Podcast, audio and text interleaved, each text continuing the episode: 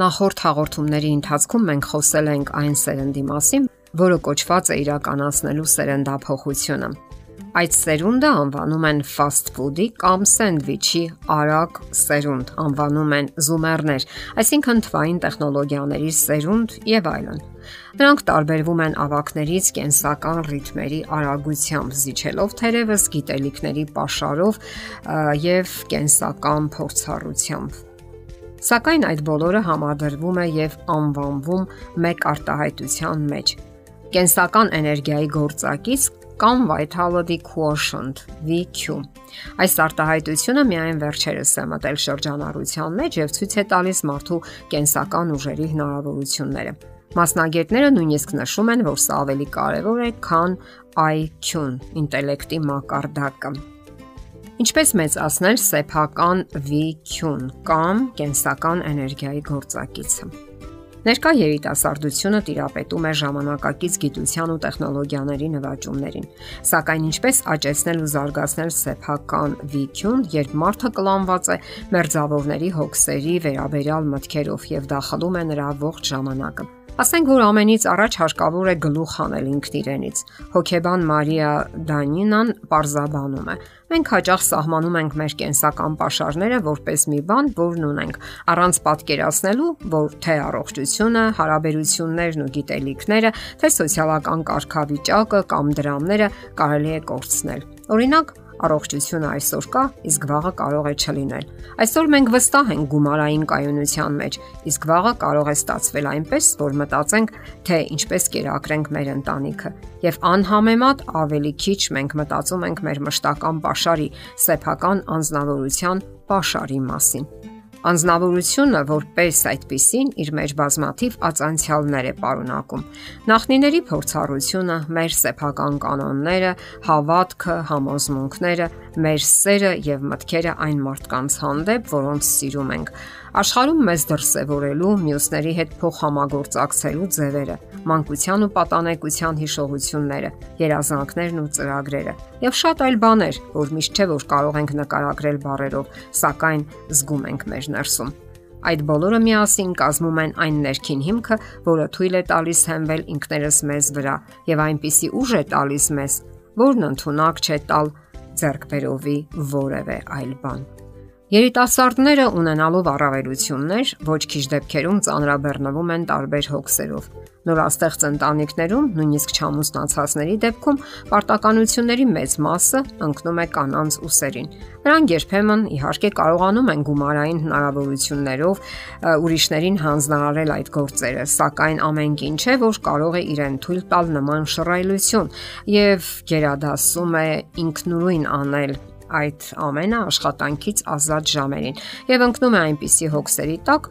որ չի կարողանում եւ չի ցանկանում մտածել սեփական անձի շահերի մասին։ Հոկեբան Մարինա Դանինան գրում է. Հաշվի առնելով այն հանգամանքը, որ կանայք միջինում տղամարդկանցից սովորաբար ավելի քիչ են վաստակում, իրավիճակն իհարկե անարդար է։ Յուրաքանչյուրն իհարկե ինքն է որոշում իր համար՝ գնալ գրասենյակ աշխատանքի, թե մնալ տանը Սակայն բացի նյութական արժեքներից կան նաև այլ պահեր, Եթե նույնիսկ մենք մեր ողջ աշխատավարձը տալիս ենք դայակներին, այնուամենայնիվ հնարավորություն ենք ստանում զբաղվել նրանով, ինչը հետաքրքիր է։ Սակայն չպետք է մոռանալ նաև հարազատներին, ամուսիններին կամ այլ մերձավորներին օգնելու մասին։ Եթե կա հնարավորություն նրանցից ոմանց ներգրավելու աշխատանքների մեջ, ապա հարկավոր է օգտվել դրանից եւ թեթևացնել սեփական բեռը, եթե նույնիսկ դա տհաճ իրավիճակ է ստեղծում կամ ընդունված չէ։ Չէ որ դա ոչ թե ճոխություն է, այլ կենսական անհրաժեշտություն, եւ դա հնարավորություն է տալիս ձեզ թեթևացնելու սեփական ուսերին ընկած բեռը։ Իր գործընկերոջն է սատարում նաև հոկեբան եւ մշակութաբան Իրինա Գաուզերը։ Արժե ավելի հաճախ հիշեցնել ինքն իրեն, որ ներքին հոգատարությունը նույնպես յուրատեսակ պարտք է եւ չի բացառվում, որ հետագայում ինչ որ մեկն էլ անznազող կերպով հոգա մեր մասին, մոռանալով սեփական անձը։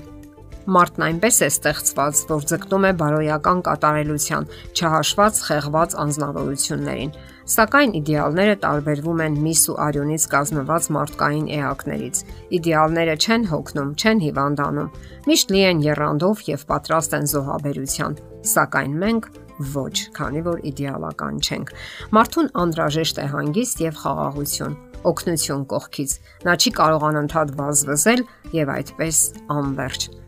Հոգեկան անվտանգության առանցքային պայմաններից մեկն էլ այն է, որ չպահանջենք մեզանից հսկայական պատասխանատվություն եւ աշխարհի բեռը չդնենք մեր ուսերին։ Եվ երբ առանց կանգի ձգտում ենք համապատասխանել մեր նշանակած կատարելատիպին, իդեալին, ապա վաղ թե ուշ ģեր հոգնած վայր ենք ընկնում։ Եվ գիտակցելով մեր թույլ կողմերն ու վրիպումները, մենք ավելի ուժեղ ենք դառնում Ահա թե ինչու հետևությունը միանշանակ է։ Սատարեք ձեզ եւ բարձրացրեք կենսական էներգիայի գործակիցը